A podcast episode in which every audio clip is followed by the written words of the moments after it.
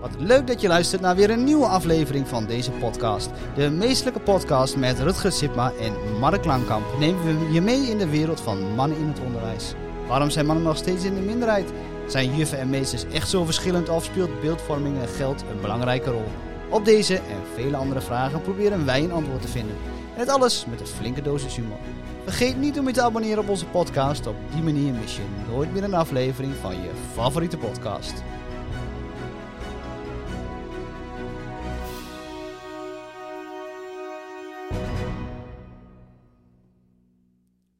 Ja, daar zijn we weer met een nieuwe aflevering. We zijn er twee weken niet geweest. Eén weekje door de vakantie en één week door omstandigheden. Ik zit er ook alleen. Mark is uh, deze keer niet bij. Ik zit niet alleen helemaal. Ik heb een uh, leuke gast uh, bij me zitten die we zo gaan introduceren. Maar deze keer doen we het even zonder Mark. Dus de flauwe grappen moeten van mij komen deze keer. Dus ik wil eigenlijk wel gelijk beginnen met onze gast. En natuurlijk met het... Het meesterlijke vriendenboekje. Ja, ik zei het net al even voor de uitzending. Dit is, dit is mijn zoon. Daar ben ik natuurlijk trots op. Snap en, ik. heb jij zelf ook kinderen? Heb je een gezin? Ja, zeker. Ik, uh, ik ben zelfs net uh, voor de tweede keer vader geworden sinds uh, 2,5 week. Ja, gefeliciteerd dus, nog. dankjewel. Ja. Een dochtertje en nu een, een zoontje, dus een koningspaar. Hey, leuk. Ja, dat is inderdaad het koningspaar wat ze zeggen inderdaad. Hè?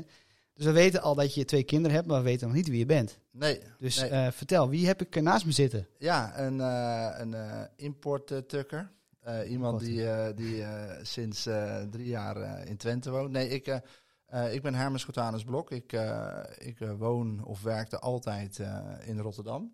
En, wat, doe je hier in, wat doe je hier in Twente dan? Ja, en, en we zijn met ons gezin, althans mijn, mijn vriendin, die is oorspronkelijk komt ze hier vandaan. En wij hebben elkaar een aantal jaren geleden ontmoet. En toen zouden we ook in Rotterdam gaan wonen. En, um, maar ja, dan wordt iemand zwanger. En dan ga je toch twijfelen van wat is de beste plek? gaan Ja. we hier blijven? Gaan we daarheen? Uh, en uiteindelijk, uh, zoals dat vaak gaat, trekt de man aan het kortste eind. Ik wou zeggen, wie heeft thuis de broek aan? Maar die vraag Ja, is, al, nee, is al nee, beantwoord. die is al beantwoord. Ja. nee, maar het heeft voor mij ook heel veel opgeleverd. Want als je een beetje weet hoe de huizenprijs in, in Rotterdam en omstreken is, dan ben je blij dat, dat je hier gewoon leuk kan wonen zonder... Weet je, je hoort het nog wel een beetje aan je tongval natuurlijk. Je hebt geen Twentse tongval Nee, nog. nee. Komt vast. Maar wat is nou het grootste verschil tussen uh, Rotterdam, omstreken en, en Twente? Nou ja, een, een van de grootste verschillen uh, onderwijs betreft is, uh, is dat er daar een gigantisch groot tekort is. Die, uh, die hier nog wel meevalt. Dus dat is een heel groot je- verschil. Maar qua, qua mensen is ook een groot verschil. Ja? ja, ja. ja. Ik, ik, eh, iedereen zei tegen mij van je gaat naar een hele gemoedelijke eh, omgeving. Hè, eh, ons kent ons. Maar eh, dat gemoedelijke is dus meer ook van ons kent ons. En dat eh, ik, ik had in Rotterdam, in de nieuwe straat waar ik ging wonen, Ja. sneller contact. En sneller, Oh ja? veel sneller ook dat ik vaker bij mensen over de vloer kwam dan dat ik dat hier heb. En, en misschien dat de mensen dat wel bij elkaar doen, omdat ze diegene al heel lang kennen en altijd in dezelfde straat hebben gewoond. Maar het voor nieuwkomers niet heel, eh, heel makkelijk. Dus eigenlijk zeg je, weet je, het zal wel zo zijn. Alleen ik heb het nog niet gemerkt nee, komen. nee, nee, ze zeggen wel aardig gedag op straat, Ja, maar echt inhoudelijk is het niet. grappig, want als je het beeld hebt, dan denk je, nou, je, je groet elkaar niet in Rotterdam op straat. En hier is het Ja. inderdaad, je loopt met elkaar de deur plat. Ja, dat is wel echt een misvatting. Het is, het is eh, sowieso eh, in, in, in het Westen, of in ieder geval in Rotterdam, wat ik het weet, is iedereen heel direct. Ja. En je hebt ook snel met iemand, nou ja, binnen een half uur een heel persoonlijk gesprek op straat. Met doet hier wat langer, zeg, ben je drie weken verder. Ja, precies. ja, ik, net zei iemand nog toen ik eh, op het terrasje zat van eh, dat het een jaar duurt. Nou, Ja, ik denk wel dat wij best wel stug zijn. Zeggen, Fries, Friesen zijn stug, maar ook Twentenaren Ja. natuurlijk. eh. ja, dus dat is, dat is het ene. Maar ja, voor de rest een verschil. Ehm, eh, ik, ik moet zeggen, kijk, in het onderwijs heb ik het nog niet gezien, omdat ik hier niet voor de klas sta. Ehm, ik vind wel het wonen in deze omgeving, moet ik zeggen, dat ik dat eh, heel erg fijn vind. Is dat echt de ruimte, de vrijheid en, en de Ja. huizenprijzen? Ja, dus die, die zeker, maar echt die, die, de natuur en, en eh, ik vind ook Enschede echt een stad, moet ik eerlijk toegeven. een En leuke ik vind- stad hoor. Ja. Ja, en ik vind de omgeving echt schitterend. Ben je dan ook voor die club uit de Twente? Of, eh, Nou, het, het Je is weet- zelfs zo erg als eh, eh, iemand die altijd in Rotterdam heeft gewoond, ben ik een Ajaxiet. Oeh, en hoe heb je het overleefd al die jaren, joh? Dat is toch wel een beetje vloek in de kerk. Met de gordijnen dicht. Dus dan stiekem je eh, eigen shirtje op als de bank. Ze, als ze het heel goed doen in de Champions League, had ik wel vrienden over de vloer, ook Rotterdammers. Dan deden we de gordijnen dicht. Leuk. Ja, het is hier een beetje Twente Herakles, hè? Ja, dan heb ik als Herakles supporter op dit moment niet zo heel veel te zeggen natuurlijk, met, na de degradatie. Ja, precies. Maar eh, Nou, wel- Ja. Ik vind dat wel een beetje de Ajax van, eh, van deze regio. ja, nou, je hebt wel heel veel collega's hebben je, die in Almelo op school werken, maar wel voor Twente zijn. Het is een beetje hetzelfde gevoel, hè? Dat mag ook, ook een- die slapen in een Twente pyjama en hier moeten ze dat openlijk eh, voor Herakles zijn. Ja, precies. Ja, ja, leuk. Is, is, is, is sport iets in je leven? Ik, hey, vanmorgen heb je volgens mij gemountainbike, begreep ik. Ja, nee, ik, en dat was al een half jaar geleden. Dus dat is wel iets... Moet je er nooit eh, bij vertellen. Nee. Doe je Dus wekelijks. ik, ik zou wel wat meer willen doen. En, en wat mij leuk lijkt, en ik weet dus, dat weet ik dus niet, of dat hier ook een beetje... Ik, ik vind dat, dat padel lijkt me echt heel leuk. Ik heb het een paar keer gedaan, maar gewoon een soort vereniging of zo. Ik weet niet Nee, of ik, dat is. ik snap het niet. Wat, wat, ja, ik weet wat het is, maar ik snap die hype niet. Ik ben wel met de hype van de Air Up meegegaan. Ja. Maar dat padellen, nee, vertel. Leg eens uit. Wat, wat zeg ik jou daarin aan? Nee, ik, heb, ik heb altijd gescorst en getennist. Ja. En ik denk, ja, ik heb dit nu twee keer gedaan op padel. Ik denk, nou, dat is eigenlijk een perfecte Ja. combi. Je hebt er altijd nog drie man bij nodig. Dus je moet met z'n vieren zijn. Ja. Dat is één nadeel. Ehm, maar het is vaak buiten. Het kan altijd. Eh, je hebt geen problemen met Ja. het weer. Ehm, en het is heel, ja, je hebt, je hebt het heel gezellig met elkaar. Dus het, het is snel. Eh, ja, ik, ik vind het echt Ja. leuk. Maar ik heb geen idee wat hier in de buurt is. Nee, Nee. daar moet ik maar eens uitzoeken. Gaan we eens uitzoeken. Ja, Ja. heb je nog iets om te doen? Heb je to-do-listje Ja, erbij schrijven? Ja, Ja, ja, een padelvereniging. Maar verder volgens mij mountainbike. Je bent in Buurtsewezen mountainbike verteld. Die is een super mooie omgeving Ja, natuurlijk. dat is echt. eh, mijn broer zei ook van, dat, van ja, dit, dit eh, ben ik jaloers op, zeg Ja. maar. Dat, dat we dit bij ons niet hebben. Nou ja, dat vind ik ook al. Weet je, ik woon in Hengelo. En de rand van Hengelo, weet je, ik ben in twee minuten fietsen de, de, de open lucht in. De fiets je de natuur in. En dat is, vind ik echt wel heerlijk hoor. Kan je dat nog wel waarderen na al die jaren? Ja, nou ja, eh, juist. Weet je, we wonen eerst een heel drukke weg, jaren 30 woning. En dat heeft karakter, maar daar miste ik wel, weet je, die vrijheid. En, eh, dus ik vind het heel belangrijk om dat nog te waarderen. En dat besef je af en toe. Denk, wat geluk heb je. Ja, precies. En die jaren 30 woning heb je eh, verkocht vanwege de energie. Nee, dat was al voor de energiecrisis. voor de energiecrisis. Wij hebben een goede periode nog gekocht en weer, ver- weer verkocht, zeg maar. Ja. Ja, daar hebben we elkaar een beetje, een beetje leren kennen. Maar dan de vraag die we ook vaak stellen. Wat is dan jouw link met het onderwijs? We zijn natuurlijk wel een onderwijsgerelateerde podcast. En jij komt hier als importtukker, eh Ja, schuif je aan. En wat voeg je dan toe aan het onderwijs? ja ik, eh, ik heb ooit ook de PABO gedaan. Dus, eh, dus als meester. Ehm, alleen toen was het in het derde jaar eh, van de PABO in Marnix, Utrecht. Ja. hadden ze een, eigenlijk in 2005, 2006 was het zo'n groot tekort in het onderwijs in het VMBO. Dat ze toen eh, zeiden van eh, we gaan een nieuw traject aanbieden. Een soort pilotvorm om mensen naar het VMBO eh, te lokken. En Mhm. toen heb ik vanaf het derde jaar eigenlijk alleen nog maar mijn stages gelopen in het VMBO. En uiteindelijk ehm, eh, ook het LIO alleen maar al gewerkt. Want in het VMBO was toen de, de korte zo groot dat ik gewoon docent was. Ja. En daar gewoon be- betaalde LIO, maar gewoon echt als docent betaald. En ehm, ik heb uiteindelijk wel nog op Aruba een aantal jaren gewoond. Daar heb ik wel groep 8 eh, gedaan. Maar voor de rest altijd ehm, onderbouw VMBO. Heb je dan wel gewoon je PABO-diploma? Zou Ja. je wel weer voor de klas kunnen, zeg maar? Ja, Oké. ja, dus uiteindelijk krijg je, wel, kreeg je gewoon je PABO-diploma. Ehm, maar met zo'n aantekening van... eh, en, en in die tijd mocht je gewoon als... eh, was je voor PABO ook bevoegd voor onderbouw VMBO. Dat is Ja. later met Dekker Ja. is dat geloof ik weer wat ja, anders klopt. geworden. wat maar- strenger geworden, ja. Ja. Hey, en als je dan nu zo die tekorten, je noemde het net al even, hè, van kriebelt het dan weer niet om te zeggen, nou, ik ga weer terug voor de klas? Nou, wat, wat standaard kriebelt is echt eh, het contact met leerlingen. Ik krijg nog steeds wel, eh, ook al zijn leerlingen dus nu 28, 29, wat is het? En die sturen dan nog berichtjes. Ja. Van de week toevallig nog een, eh, een, een dame. Ja, en, en wat ze dan sturen, dan denk je wel echt zonde dat ik nu dat niet doe, zeg maar. Maar dan mis ik vooral de, het contact met de leerlingen. Mhm. En ik, ik ging met leerlingen echt op reis. Hè. Ik heb leerlingen echt overal mee meegenomen. Ik ging graag erop uit. ja. Ehm, dat mis ik vooral. Dus echt, echt het omgaan met de jongeren. Maar de, de cultuur, de schoolcultuur, ehm, die mis ik niet echt. Als ik eerlijk ben. Dat is dat juist degene waar ik juist vaak van denk. Van, ik denk dat dat een hele grote reden is waarom mensen eh, bijvoorbeeld afhaken En- in en- hun zij- en stroomtraject. En is dat, kun je het omschrijven wat het dan is voor jou, de schoolcultuur? is natuurlijk een heel breed begrip, maar Ja. wat is dat dan? Ja, nou, daar bedoel ik meer van dat men denkt dat je aan heel veel moet houden. Dat men denkt welke regels je al moet volgen. Dat men denkt van... eh, heel simpel voorbeeld. Bij mij op school werd gewoon gezegd... je geeft vier uur mensenmaatschappij. Dus, dus je moet dan vijf cijfers hebben. Nou ja, dat, dat iets in mij Omdat het altijd zo ging. omdat het altijd zo ging. Ja. En eh, eh, het is altijd zoveel uur. Het is altijd zoveel minuten. En, het is, en alles ligt ook vast. Als iemand tegen mij zegt, hè, dan werkte ik deed ik bijvoorbeeld projecten samen met basisscholen in de buurt. En en dan had ik een spontaan idee om iets samen te doen. Dat kon niet. Want eh, nee, dat paste niet in het programma. Roosters zijn heilig. Roosters, ja. ja, die- en, dan, en, en, en als, ik snap niet dat je... Ik kan niet eens drie weken vooruit kijken wat er dan gaat gebeuren. Dus hoe kan iemand nou weten hoe het hele jaar eruit gaat zien? En dat voelt een beetje, ik dacht van... eh, ik weet nog wel dat ooit op de Pabo toen werd gezegd van... dat je een docent moet zijn als een leerling op school komt... en onderweg dat diegene naar school loopt en er een eend wordt aangereden... en, die, en dat kindje wil dan uitleg krijgen over wat er nu met die eend gebeurt... moet je als docent daar de tijd voor nemen en dan moet je daar misschien een les over maken enzovoort. Toen dacht ik, ja, onzin.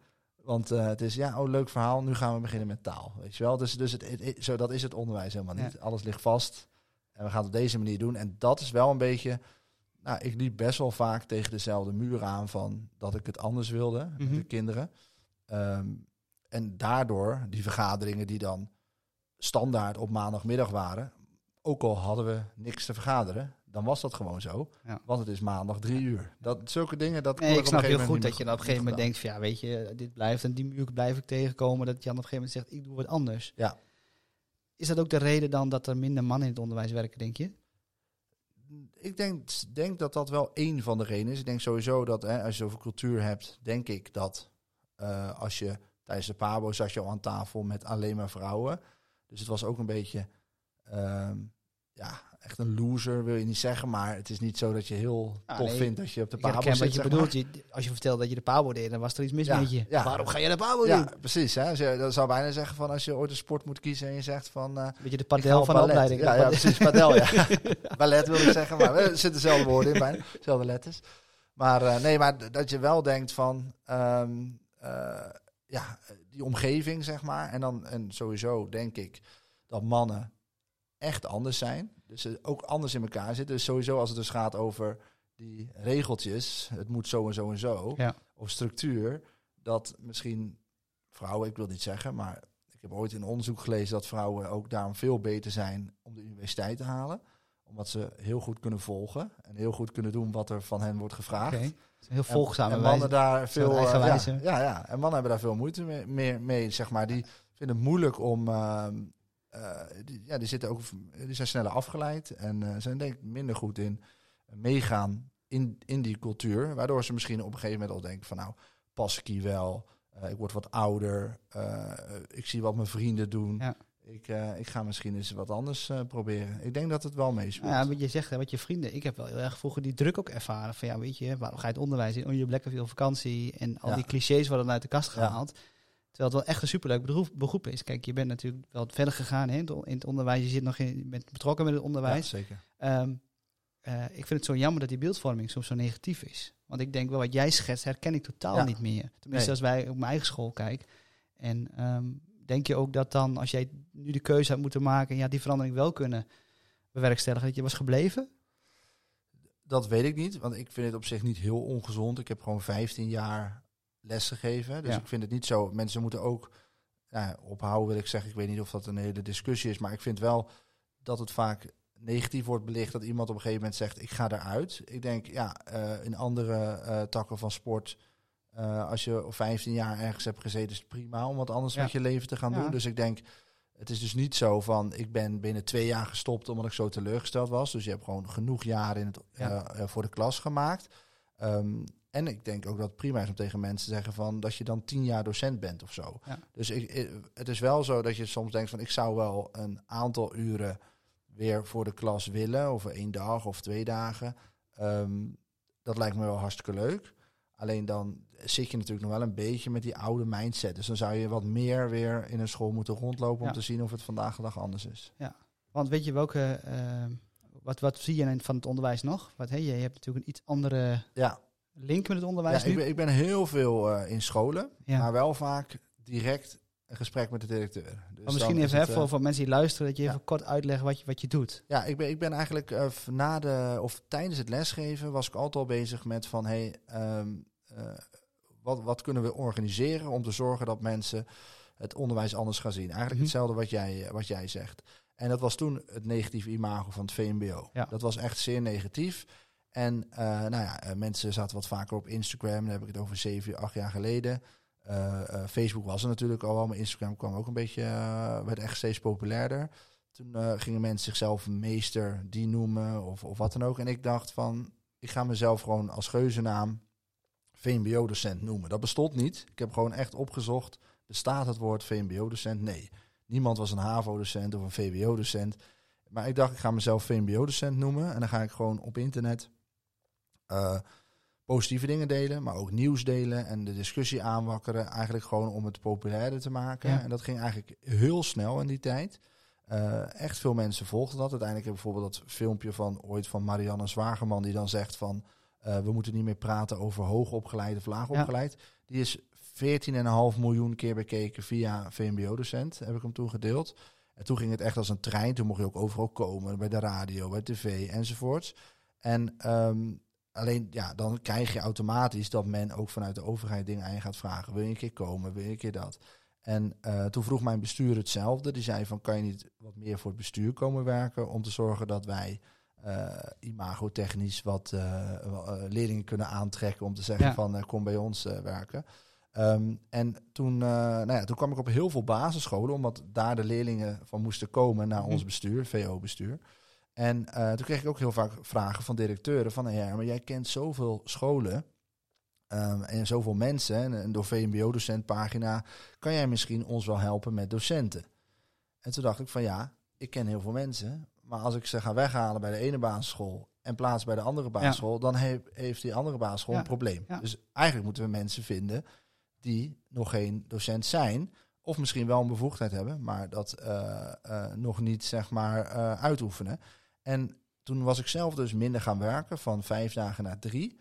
En toen was er dus een vacature voor nou, 0,4 voor docent mensenmaatschappij. Er waren 60 sollicitanten binnen een week en uit, uit verschillende plekken afgestudeerd, gewoon bevoegd voor geschiedenis, maatschappij, Mhm. et cetera. Toen dacht ik, als zij bevoegd zijn en zij werken niet in het onderwijs op dit moment, want dat werkt ze allemaal niet, waarom uh, uh, gaan die dan niet in de basisschool werken? Dus toen ben ik het POVO-project Rotterdam gaan uitvoeren. Heb ik dus over zes, ook zes, zeven jaar geleden. En ben ik docenten van ons, van het bestuur, gaan Mhm. detacheren aan de basisscholen in de buurt. Dus dan zei ik tegen school van, hey, heeft diegene die werkt nu bij jullie 0,6, maak er dan 0,8 van of, of uh, 1,0. En dan ga je die andere uren op de basisschool werken in de buurt. Als de, die docent het dan heel goed doet, dan krijg je automatisch dat de, de, de kinderen zouden zeggen, welke school werkt u? En dan krijg je dus dat de kinderen ook dus overgaan naar dat bestuur. Dus het was aan de ene kant dus ook technisch ook een hele goede-. En aan de andere kant was het... eh, en dat ging heel goed. Het was alleen eh, eh, subsidieafhankelijk. Ja. Zoals het altijd gaat eh, met subsidie. Als subsidie stopt, Stopt dan het stopt het project. Dus, eh, en we zijn nu dan nou, zoveel jaar verder. En nu zie je dat het vaker gebeurt. Dat men dus wel weer allemaal vaklessen gaat doen op de basisscholen. En partijen gaat Ja. inhuren voor vaklessen. Dus het, dus het komt er uiteindelijk natuurlijk wel gewoon. Um, maar ja, ik had gehoopt in die tijd dat basisscholen ook zelf vacatures gingen plaatsen op internet. Van ik, ik zoek een geschiedenisdocent, Ja. ik zoek een maatschappij-docent. Want die zijn er gewoon. Ja. Alleen je moet dan wel creatief gaan nadenken om ze, om ze in te richten. Ja, en dat is um, uh, eigenlijk een start geweest om continu dingen te bedenken Ja. voor aangaande het, uh, het leraartekort, zeg maar. Dus ik, ik kan nog een half uur Oh. door vertellen wat ik daarna weer ga doen, maar dat is. Uh, dus dus dat toen de subsidie NPO kwam, begon je te glunderen. Dacht je, dit is de kans en dit is de gat in de markt. Eh, gaat nou, worden eigenlijk dus, dus, dus inderdaad, die, die subsidie is altijd gedachte van... eh, je kan heel veel organiseren zonder subsidie. Ja. Alleen eh, dat vergt gewoon een creatieve manier. En een van de dingen was, als ik dan een eh, presentatie gaf... ook bijvoorbeeld aan het OCW of, of eh, andere bijeenkomsten... en dan had ik op de laatste sheet staan... weet je, als het aan jullie had gelegen... had ook Rembrandt geen les mogen geven. Ik zeg inderdaad, goede leerlingen. Ik zeg, het lijkt wel alsof we gewoon verleerd zijn met elkaar. Dat de maatschappij heel veel te bieden heeft, maar dat de school een afgekaderd hokjesdenken is. En we moeten weer terug naar het leermeesterschap. We moeten mensen eigenlijk verantwoordelijk maken voor de nieuwe generatie. Dus jij hebt heel veel kennis van iets. Dan willen wij je aanspreken op van, geef dat dan terug aan kinderen. Nou, en daar is dus uiteindelijk Stichting Meester Rembrandt uh, opgericht. Ja. Dus, uh, met, met twee vrienden gedaan om, om zeg maar de maatschappij en ook de scholen te overtuigen van ga nu de maatschappij naar binnen halen. En als, als dat lukt, eh, je hebt ze binnen, eh, dan kan ze vanuit vrijwilligheid kunnen ze al heel veel voor jouw school betekenen. Maar het zou ook zomaar kunnen zijn dat iemand die dan de school binnenkomt, denkt, misschien is het eh, onderwijs wel wat voor mij. En die groep die dat denkt, dat, dat is de groep waar ik nu mee werk. En dat zijn dus de mensen die zeggen van ik wil wel eens kijken of het onderwijs wat voor mij is. En die krijgen een betaalde baan. En die mogen dat dan proberen voor Ja. een periode of het onderwijs wat voor hen is. En, en eh, zijn er al succesverhalen dat mensen zijn blijven hangen? 100% zeker die, eh, we noemen die groep dan talent van buiten. Dus, Ja. dus vanuit eh, Stichting Meester Rembrandt is echt gericht op vrijwilligheid Ja. en talent van buiten in gezamenlijkheid met echt onderwijs. Dat is puur gericht op ehm, probeer het maar. Je hebt Ja. een HBO afgerond, WO afgerond, wat dan ook. Ja. Eh, ga maar werken. Je kan als in de ondersteuning werken. Je kan vanuit je expertise werken. En eh, we hopen dat je blijft. Op dit moment hebben we eh, afgelopen, zijn in november vorig jaar begonnen. Ongeveer 50 mensen laten werken. En we hebben nu een groep. Ze mogen twee keer per jaar starten met, met de PABO. Ehm, ik weet zeker dat er van die 50 eh, ongeveer 30, 35 eh, gaan starten Nou, in dat is een mooi februari. percentage. Ja. Hey, en hoe zit het dat je noemde de pabo's? Heb je dan een x aantal pabo's waar je dan speciale samenwerking mee Ja. hebt? Of is dat een... Ja. Je kunt zelf kiezen wat bij je past? Of hoe gaat Eh, dat? dat, is, dat is een goede vraag. Eh, in Rotterdam doen we het nu met de Thomas More. Ja. Ehm, eh, dus dat, omdat we daar weten ook van de onderdelen die we aanbieden in die talent van buitenperiode. Ze kunnen zich eh, professionaliseren. Weet ik ook zeker dat hetgene wat ze doen, ze Ja. kunnen inwisselen als vrijstelling. Eh, maar we zijn, gaan bijvoorbeeld in de Zaanstreek gaan we werken. En dan hebben we bijvoorbeeld binnenkort gesprekken met de IPABO om te kijken van wat zij doen. Ja. Dus we willen in elke regio de PABO Ja. die daar zit. Zodat ook men nou ja, kan blijven in de regio waar men woont. En, Ja. en dat is natuurlijk ook fijn dat je niet naar eh, in, in eh, Zoetermeer woont. En als je dan per se naar de Thomas More zou moeten.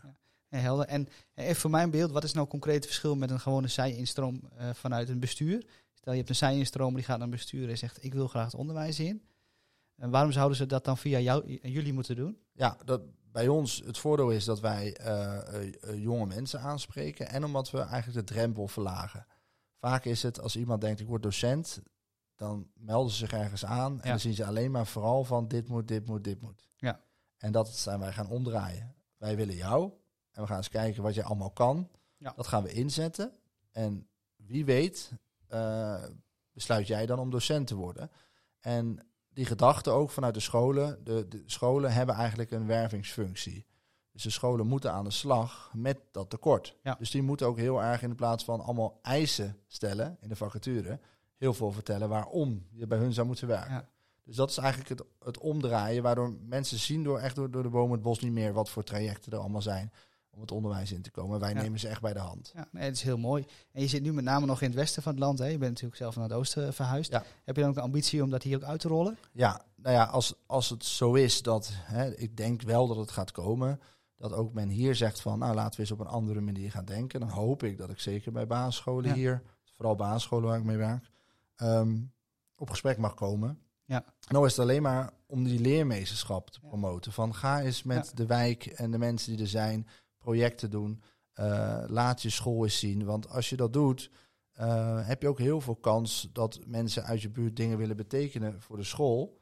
Eh, en dat je bijvoorbeeld financiële middelen ineens groter worden, omdat bepaalde bedrijven zeggen: dat vind ik nou een leuke school, daar ga ik eens wat in Ja. investeren. En wat zijn nou de grootste bezwaren waar jij... dat je zegt van ja, maar dit, of ja, maar zus, of... of zeg je, die zijn er eigenlijk niet. Eh, bezwaren van. Als scholen, weet je, kan me voorstellen hè, dat je hier in het oosten begint en dat ik bij mijn bestuurder voorstel van nou weet je, ik heb nou toch een goed idee. Eh, we gaan eens even in gesprek om te kijken wat we voor elkaar kunnen betekenen. Nou, veel- vaak zeggen scholen: we kunnen het zelf wel. Ja, Dus dat, dat is eh, een ding. Eh, dat scholen natuurlijk zeggen van, ja, maar wat, wat moeten we diegene dan laten doen? Dus die weten niet zo goed hoe ze dat moeten, moeten inregelen. Ehm, maar dat de meeste die ik spreek, eh, dat komt dus door die hele grote tekorten, zeggen we gewoon, dit wil ik heel graag. Dus Ja. ik, ik wil graag mijn deuren openzetten en ik wil juist dat mensen hier binnenkomen, maakt niet uit Ja. waar ze mee beginnen. Ja. Of dat ze eerst gaan helpen en uitla- uiteindelijk meer ook gaan lesgeven. Dat, dat vinden we prima. Eh, dus, dus het heeft denk ik heel erg te maken met als je nog in de luxe positie zit, dat je gewoon alle klassen een docent hebt staan. Dat je ook minder geneigd bent om vast na te denken over de toekomst, denk ik. Ik denk dat heel veel kansen liggen. En het is, ik, ben wel heel, ik word er heel ge- door getriggerd van, weet je, welke mogelijkheden. En ik denk wel, het onderwijs, wat jij ook zegt, is heel conservatief. En we zijn heel snel geneigd van, ja, weet je, we deden het altijd zo. Ja, maar, en dat is waar ik wel eens tegenaan loop. Ja, maar ja, maar hoe moeten we dan zus? Of op welke manier moeten we dat dan dichttimmeren? Dan denk ik, nee, je moet kijken naar het, het doel. Je wilt die kinderen goed onderwijs geven. Je wilt goede mensen voor die groep. En ik denk dat je dan, hè, zoals meneer Wiersma zegt, onorthodoxe beslissingen moet Ja. durven nemen. En dit zou er wel Ja. één heel mooi voor kunnen zijn. Nou ja, ik denk dat het voor eh, een heel simpel voorbeeld. Ik weet niet of je de Agora-scholen kent. Zeg Ja. maar. Ik heb bijvoorbeeld laatst eh, eh, had ik chef Drummer uitgenodigd, een van de bedenkers, Ja. samen met Jan Vase. Die zei dat alle ouders die zich aanmelden bij hun op school, eigenlijk de kinderen die zich aanmelden, die ouders wordt gevraagd om twee masterclasses te geven per jaar. Mag van alles zijn, hetgene waar zij dus verstand van Dat is een vereiste als Ja. je je kind erin schrijft. En wat, Maar zij denken dus, als jij zelf niemand kent, dan ken je wel iemand. Je mag ook mensen regelen. precies, je moet ze zelf regelen. En of je het zelf bent of een Ja, ander is prima. Ja, Ja. nou, daar dacht ik van, nou, dat is precies de bedoeling.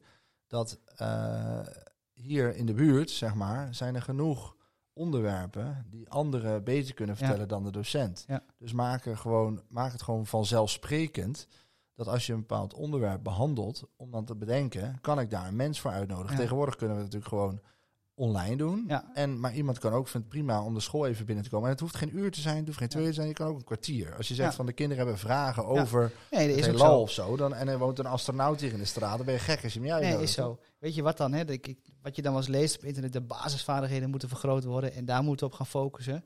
Hoe verhoudt zich dat tot elkaar? Ik kan me ook voorstellen dat er dan mensen zijn, maar ja, dan gaan we iemand van buitenaf eh, voor de klas zetten. Die kan geen les geven, even gechargeerd, hè? Ja.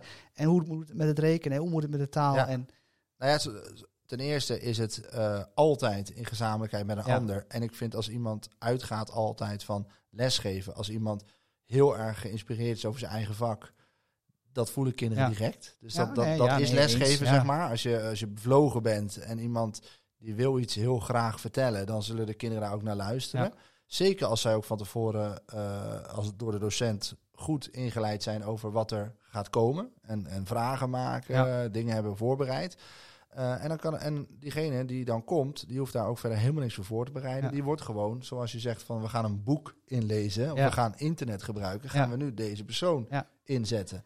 Dus, dus, dus voor een school en, en dus ah, wat betreft, we hebben er geen tijd voor. Als je het zegt over, eh, je kan het overal instoppen. Dus als je zegt met taal hebben we het hier over, laten we dan Ja. kijken of we daar iemand voor kunnen toevoegen. Dus ik, en, en een hele belangrijke is, is ehm, iedereen heeft over kansengelijkheid. Hè? En, eh, en kansengelijkheid wordt dan vaak gedacht of het met allochtone kinderen wat te maken heeft. Dat is natuurlijk- dat onzin. Het heeft echt te maken met in wat voor gezin je bent Ja, opgevoed. Of je nou wat Ja. voor kleur je nou hebt. Of hoe het ja. nou eruit ziet. Nou, als je het hebt over bijvoorbeeld die hele geda- eh, de- als je nu ziet op Twitter en overal die, die ruzie die mensen maken. Of ook met, die, met, met de boeren enzovoorts. Echt gewoon die tegenstrijdigheden dat mensen de overheid niet meer vertrouwen. Dat mensen eigenlijk van die complotideeën krijgen. Ja. Maar echt dingen zeggen van nou dat Hugo de Jong in het weekend kinderen zitten eten, zeg maar. Die gedachtes. Dat krijg je als je nooit iemand ontmoet vanuit die achtergrond. Dus als jij een broer hebt die minister is, dan zal jij nooit denken dat hij in het weekend kinderen eet. Of en als het je buurman is ook niet. Maar als je nog nooit iemand in je familie, in je vriendengroep, wat dan ook, kent of hebt gesproken die voor de overheid werkt, of die zeg maar misschien wel minister is, dan is het ook heel makkelijk om te denken dat het daar niet helemaal pluis is. Want jij kent ze niet, ze zitten niet in jouw omgeving.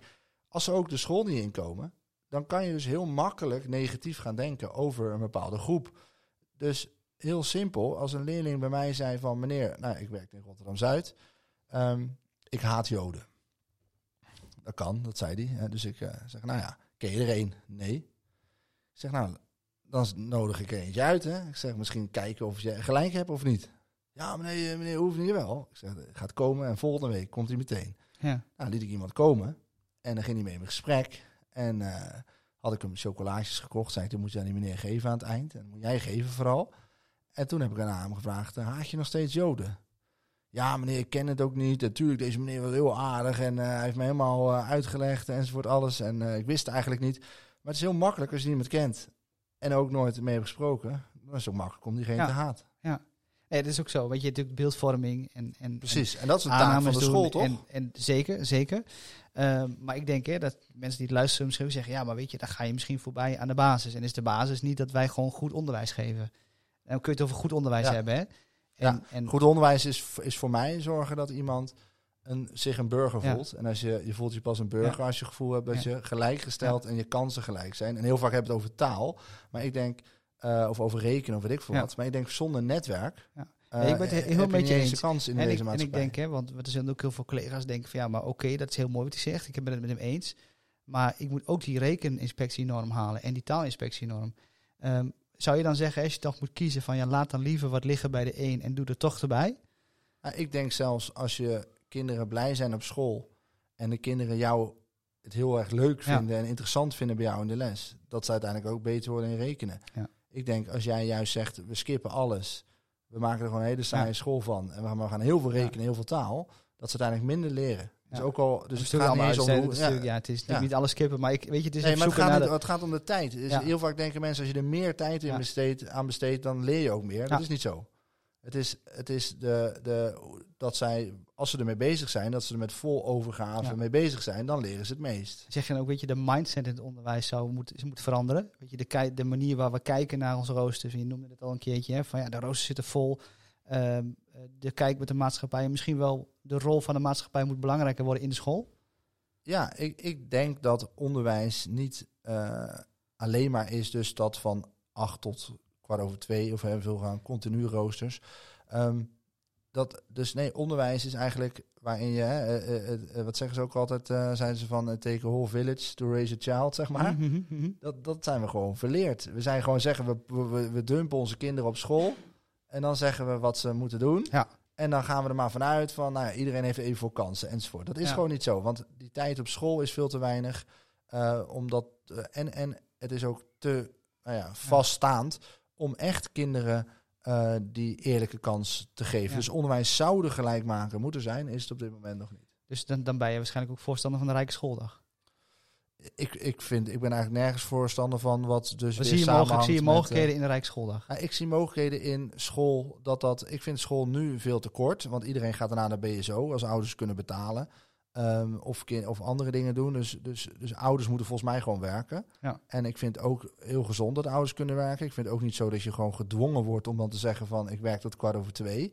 Dus nou, wat ga je krijgen? Is kinderen gaan daarna. Wat gaan ze daarna doen? Bij BSO vaak sporten, bewegen enzovoort. Nou, dat ze ook prima op school Ja. kunnen.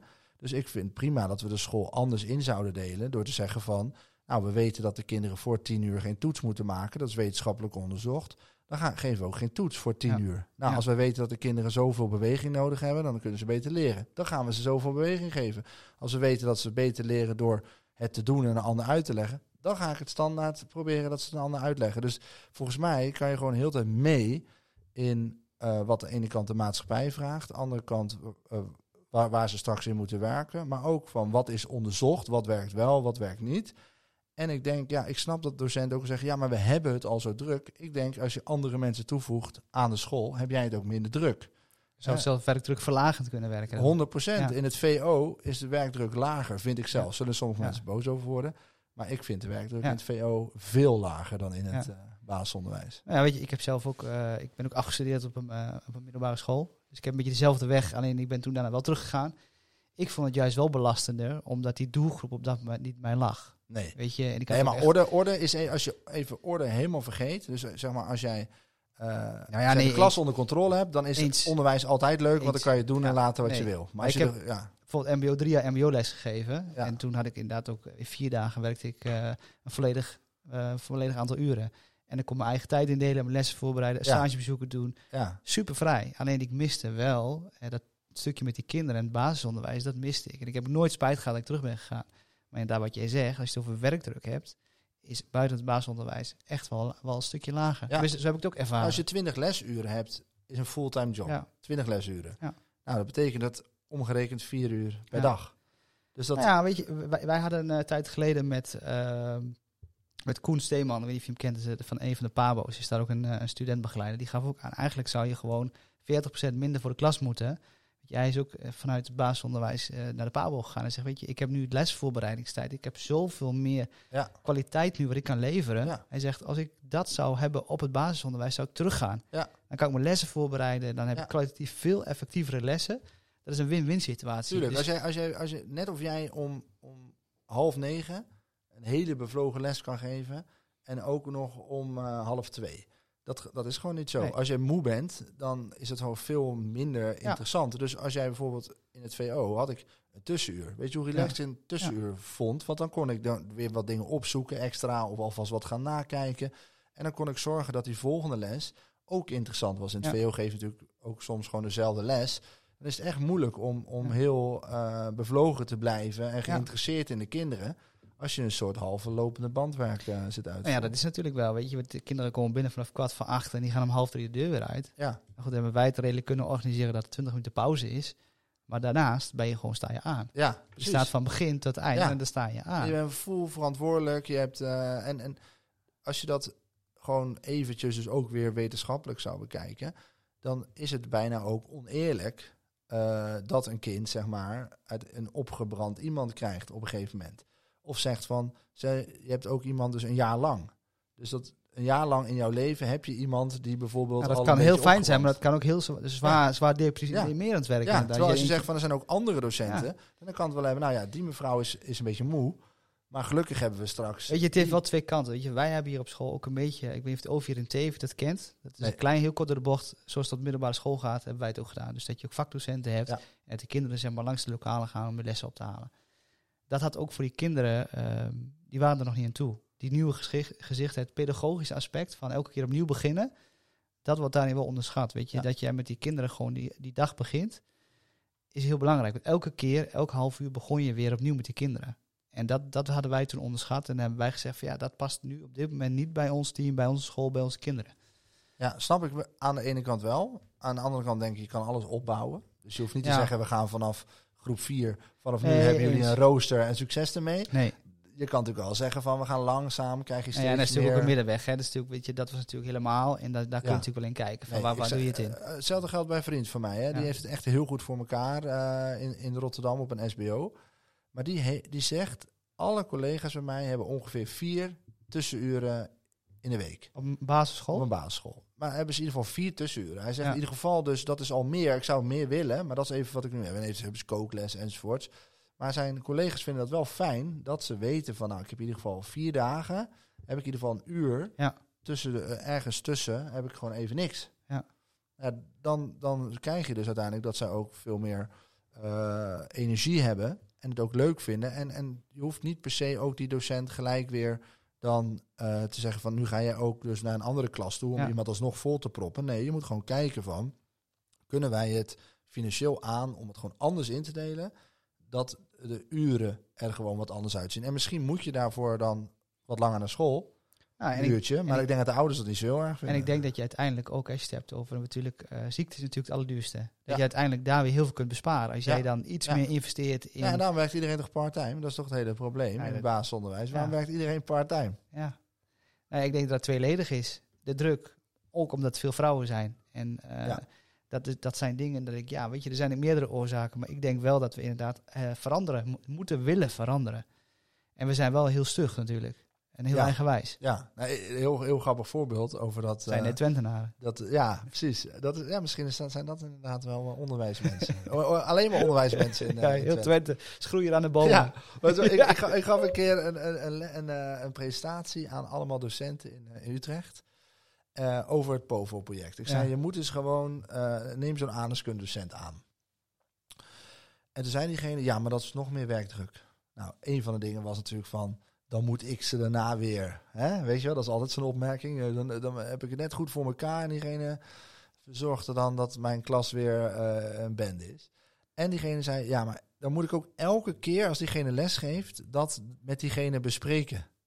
Ja, dat, dat is wel wat je heel vaak terug hoort inderdaad. maar, Precies ik dat. zeg, denk je serieus dat ik in het VO als mentor zijnde elke dag met docent Duits spreek? Elke dag met docent wis. Ik ga toch niet men, mijn leerlingen elke dag bespreken met mijn collega's? Ik zeg, het zou toch heel bizar zijn Dat ik moet zeggen, hoe ging het vandaag met Pietje bij Ja, maar dat is wel het basisonderwijs Ja, ik zeg, nou, misschien moet je dat als eerst afleren. Ik zeg, want dat staat natuurlijk nergens op dat jij dat zou moeten doen. Ik zeg, en als je het hebt over die ouders die dan eh, bijvoorbeeld heel erg druk op de docenten zetten van mijn kind moet eh, krijgt VMBO-advies, maar eigenlijk is het een gymnasiumleerling. Dat als ouders dat erin pushen en jij bent de enige die wat kan zeggen over dat kind, Ja. dan heb je het zo, toch sowieso wat moeilijker. Hoe fijn zou het zijn dat je nog vier collega's hebt die zeggen, ja, het is toch echt, eh, eh, dit, dit hebben we bijgehouden. Ja. En mevrouw, eh, dit vinden we toch het Ja. best voor uw kind. Nee, ik denk zeker waar. En ik denk dat we heel solistisch werken, of willen werken vaak, weet je. En we zitten in ons eigen koninkrijkje. Ja. En daarbinnen Ja. wil je het, het Ja. goede doen. Ja. En ik denk wel dat je, ik noem vaak professioneel, ik denk dat we een stukje zakelijkheid het onderwijs wel, Ja. wel mogen toevoegen. Dat denk ik wel. En dat, wat dat betreft, wat jij zegt, is dat in het VO heel normaal, wat in het basisonderwijs nog verre van normaal is. Ja, Dat je want als, je, als tussenuren jij hebt. zegt dat je, dat je eh, burgerschap geeft aan alle klassen op school, naast dat jij dus docent bent, Ja. of je bent supermentor van eh, groep 8, je Ja. ziet ze tien uur in de week, en Ja. voor de rest geef jij vaklessen over de hele school. Dat maakt het toch ook wat leuker Ja, die verjaardag eh, om te vertellen wat je doet. Nou ja, weet je, en ik zie je, je, gaat ook stralen als je het daarover hebt, inderdaad. Ik denk wel, en, en dat is wel, we moeten ook durven veranderen. En waar ik me al eens heb gestoord, is als we bijvoorbeeld staken in het onderwijs, ja, dan gaan we met onze traptrekkertjes gaan we dan naar het Malieveld. En dan denk ik, jongens, het is een superleuk Gaan we beroep. zingen? Het, gaan, we, Ja. nee, gaan we liedjes? Nou, Ja. weet je, heb jij ook nog die liedjes moeten zingen op de Pabo? Nee, ik, ik heb wel, bij die staking moest ik gewoon echt lachen om die, die- dat ze die liedjes gingen zingen. Toen dacht ik van ja, alleen al door dit te zien zou ik op de middelbare school al denken, daar ga ik echt nooit werken. Nee, weet je, en dat, en dat is niet, niet vervelend benoemd naar die collega's die dat doen, maar ik denk dat het wel is. Het zijn soms eh, mensen zien, denk ik, de basis heel vaak als hobby. Ja. En, en eh, ik vind mijn werk superleuk en ik, ik wil mijn werk ook blijven doen, maar het is wel mijn werk. En eh, dat stopt op een bepaalde tijd. Ja. En ik denk dat het veel te veel vaak is vanuit het liefde voor het kind. Ja. Zeg ook, hè, dat de, de juffen willen zorgen voor Ja. en de meesters willen wat leren. Ja, precies. Je bent, je bent uiteindelijk misschien wel juist daardoor minder professioneel. Ja, vind ik altijd hele lastige, weet je. En ik denk dat je ook verschilt in, in bovenbouwleerkrachten en kleuterleerkrachten natuurlijk. Kijk, ik denk dat iedereen vanuit intentie het doet op zijn eigen manier. En, en dat het bij de school en bij de persoon moet passen. Maar ik Ja. denk wel, en dat dat ook de conclusie is van het verhaal, dat we best moeten, of we moeten best, we moeten gaan veranderen. Als we iets willen, als we het lerarentekort willen terugdringen, de kwaliteit Ja. omhoog willen brengen, dan moet er veranderen, Ja. rigoureus iets veranderen, denk ik. Nou ja, dat als jij ziet waarom mensen uitstromen en mensen niet voor het beroep kiezen, dan kan je het inderdaad blijven vasthouden hoe het eruit zou moeten zien. Maar dat is het dan niet. En als jij nog steeds heel weinig mannen ergens heen krijgt, moet je toch erover gaan Ja, nadenken. nee, dat moet je zeker, ja. Hoe dat dan kan zijn. En ze moeten niet allemaal directeur worden uiteindelijk. Want dan is er één man op school en die wordt ook nog de directeur. Ja. Nee, dus, ja, zeker waar. Ja, nee, ik ben wel met deze school ben ik doorgestroomd inderdaad. We hebben Ja. overigens met vier mannen zijn we hier. Ja, precies. Dus Dus we zijn, eh, luxe. ja, wat dat betreft wel. Heb je nog op Twitter gelezen die, eh, die studiereis naar Finland? Ja, zeker. Wat vind je daarvan dan? Ja, weet je, ik, ik, ik denk altijd leuk voor hun. Toch leuk, hè? Even lekker vakantie. eh, op kosten van, eh, van, eh, van de belasting. Dus ja, dat, dat, dat vind ik, ik snap dat zij gaan. Want ik denk, ja, als je mij uitnodigt, zou ik ook Was je meegaan. ook hoor. Zou ik ook gaan denken van, oh, leuk, even kijken. Ik vind zelf wel altijd dat, dat gelul om in het buitenland te kijken. Ik denk, het, het, ook die mensen die gaan, die hebben dan een paar jaar die functie en die zijn vooral, vooral aan het roepen. Ik, ik vind het vooral nutteloos als een minister in Finland, Finland rondloopt. Wat gaat hij veranderen dan? Ik zeg, eh, geef het nog een jaar en we moeten weer opnieuw stemmen. En is een andere onderwijsminister. Ja. Nou, weet hij weer wat meer over Finland. Maar echt zin vind ik die dingen helemaal niet. Zij willen vooral laten zien dat ze ook onderwijs inhoudelijk wat dingen gaan doen. En dan bij de buren kijken is, is prima. Maar ik denk zelf, eh, als jij wil dat je, eh, dat, dat je moet zeggen van elk onderwijsteam eh, gunnen wij één keer per jaar in zijn CAO dat ze een onderwijsreis maken. Vind ik prima, laten we dat doen. En ik vind dat alle kinderen sowieso één keer eh, een buitenlandsreis moeten maken. En dat is nu ook niet zo, want die kunnen dat niet eens betalen. Ik kon niet eens met, met sommige leerlingen kon niet eens mee naar Londen omdat ze hun ouders dat niet konden Ja, betalen. en, vrijwillige dan gaan zij, en zij gaan wel lekker met elkaar die ook gewoon zelf kunnen betalen. Gaan wel naar Finland, prima. Maar ik vind dat zelf, zeg maar, zou ik dat... eh de, Nou, ik denk dat als je een stukje beeld... En weet je, op Twitter vindt natuurlijk iedereen er wat van, hè? Ja. En beeldvorming is denk ik wel een ding. En ik vraag me af of dat de oplossing is.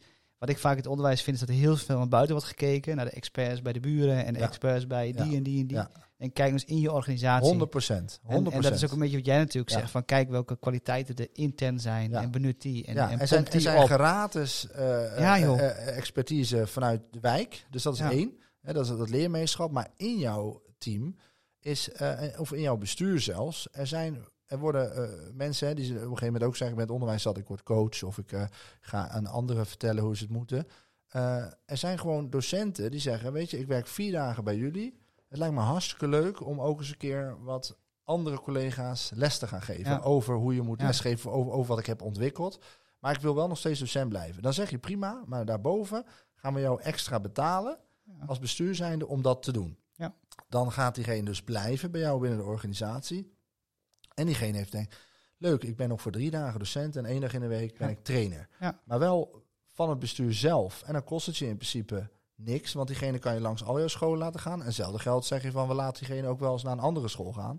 Kan prima, Ja. want dan kan je zeggen, wat ik ook deed, is detacheren van de ene school naar de andere. Kan je pri- prima met elkaar oplossen. Maar je, kan zoveel met elkaar, waar je al die experts van buiten helemaal niet voor nodig hebt. Dat is ook een beetje wat toch wordt ingegeven. Weet je, die subsidie, er komt een expertteam op school en die gaat je vertellen hoe het moet. Ja, En Ja. dat, dat denk ik ook, ja jongens, als, je, als jij heel trouw gelooft wat de overheid zegt en wat de inspectie zegt en je volgt dat, ja, dan, Ja. dan moet dat ook. Ja. Moet het tussen aanleidingstekens. En ik, ik hoorde vind- zelf dat het een loterij was trouwens. Die, eh, Nou ja, daarom. Maar goed, weet je, dan moet je afvragen. Kijk, en die subsidies, ja, ik, ik vind er ook wel wat van. Weet je, geld voor het onderwijs is hartstikke goed. Alleen je moet structureel geld in het onderwijs pompen. En ook die NPO stopt alles als iemand een heel goed iets heeft waar ze mee bezig zijn, maar dat heeft dus geld gekost. Hoe ga je dat dan doen over twee Nou ja, jaar? dan dan? moet je heel creatief zijn. Wil je dat inderdaad na die subsidie Ja. nog steeds kun- kunnen voortzetten? Maar er is, er is wel genoeg geld. Hè? Ik heb wel eens een, een rekensom gemaakt. Eh, in principe hoeveel geld er direct vanuit de schatkist naar onderwijs gaat, zou voldoende moeten zijn voor eh, twee leerlingen, één docent ongeveer. Waar Dus- blijft dat geld dan? Nou ja, kijk maar na wat, wat er allemaal tussen... Dat zitten de eh, bestuurslagen, zeg maar. Bestuurslagen, OCW, eh, eh, allerlei eh, takken. Finland. Eh, eh, oh ja, allemaal raden die er zijn. Nou ja, die VO-raad, VO-raad. Het allemaal maar op. Allemaal clubjes, die onderwijsraad. Allemaal clubjes die ergens geld krijgen. Maar dan gaan van ze de zelfs overheid. stemmen om te dat zeggen... de hele besturen moeten weer afgeschaft worden. Dat het direct bij de scholen moet komen. Ik denk dat je helemaal opnieuw moet beginnen. Uiteindelijk is het, een heel, heel simpel voorbeeld, is toen de Aswandam gebouwd werd in Egypte. En nu ga, ga ik denken, Oh ja. gaat hij heen? Maar uiteindelijk was dat heel goed voor de elektriciteit. Ja. Maar vroeger stond Egypte bekend als natuurlijk, hè, vanuit zeker de Bijbelse tijd, was het een van de eh, vruchtbaarste landen, rijke Mhm. landen enzovoorts. Ehm, alleen wat er gebeurt er als er geen water meer komt, dan krijg je natuurlijk eh, uiteindelijk droge grond. En maar mensen willen wel blijven verbouwen. En wat ga je dan doen? Dus kunstmest gebruiken.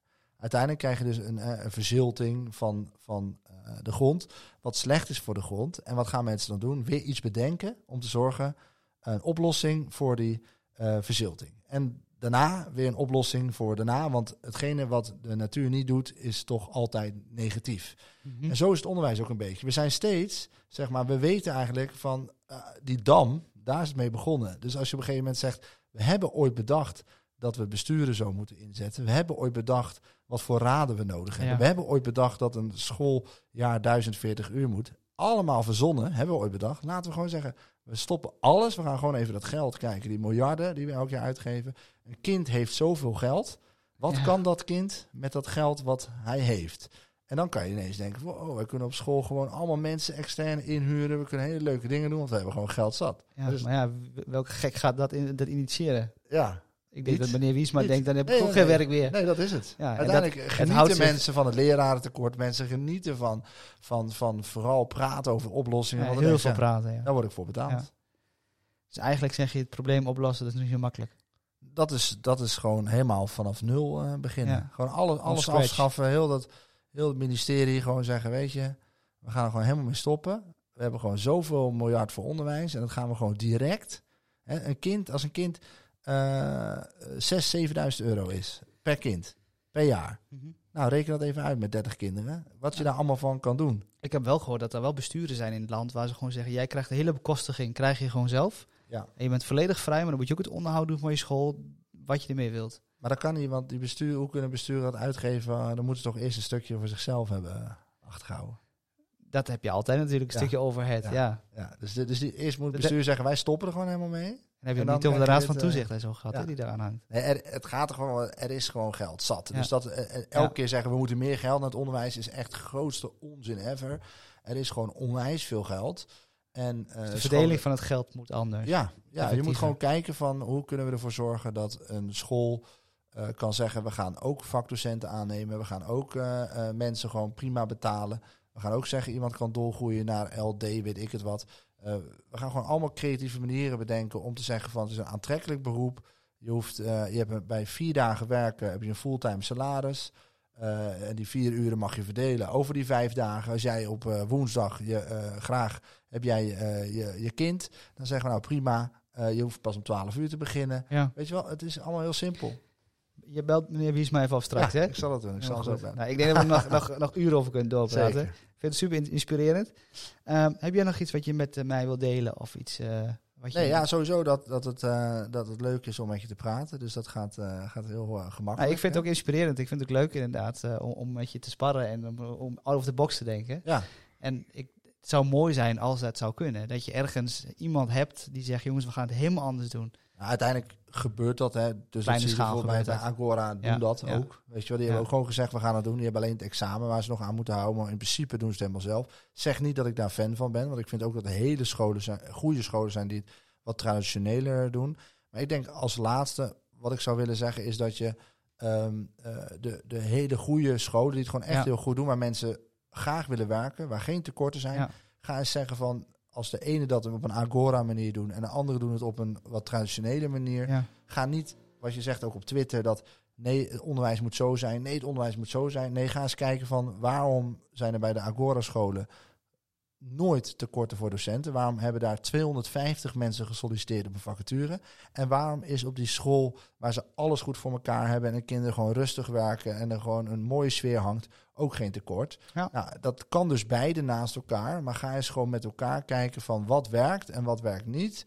En laten we ook proberen dat in plaats van te denken van, weet je, wij hebben het op school op orde, kan mij het verrotten hoe het dan op die school daarnaast is. En bij die school daarnaast hebben ze drie vacatures en de mensen worden helemaal gek.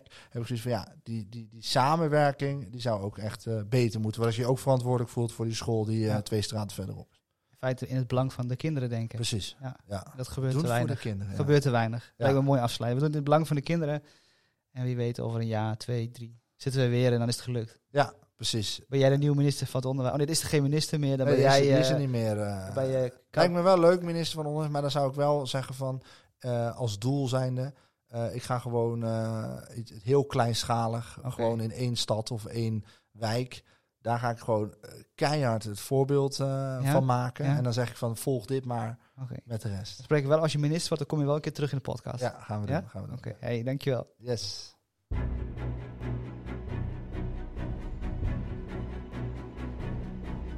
Wat leuk dat je hebt geluisterd naar een nieuwe aflevering van de Meestelijke Podcast. Vergeet niet om je te abonneren, zodat je nooit meer een aflevering mist. We hopen dat je bent geïnspireerd, bent geprikkeld of dat je gewoon met plezier hebt geluisterd. Met welk doel of welk gevoel je ook hebt geluisterd. Wij zijn natuurlijk erg nieuwsgierig wat je ervan vond. Praat dan ook mee via onze Instagram, apenstaartje de Meestelijke Podcast. En laat vooral even weten wat je van deze aflevering vond. Ook tips en suggesties voor een volgende podcast kun je hier achterlaten. Vond je het leuk? Vergeet dan niet om ons lekker veel sterren te geven in je favoriete podcast app. Bedankt voor het luisteren en tot snel!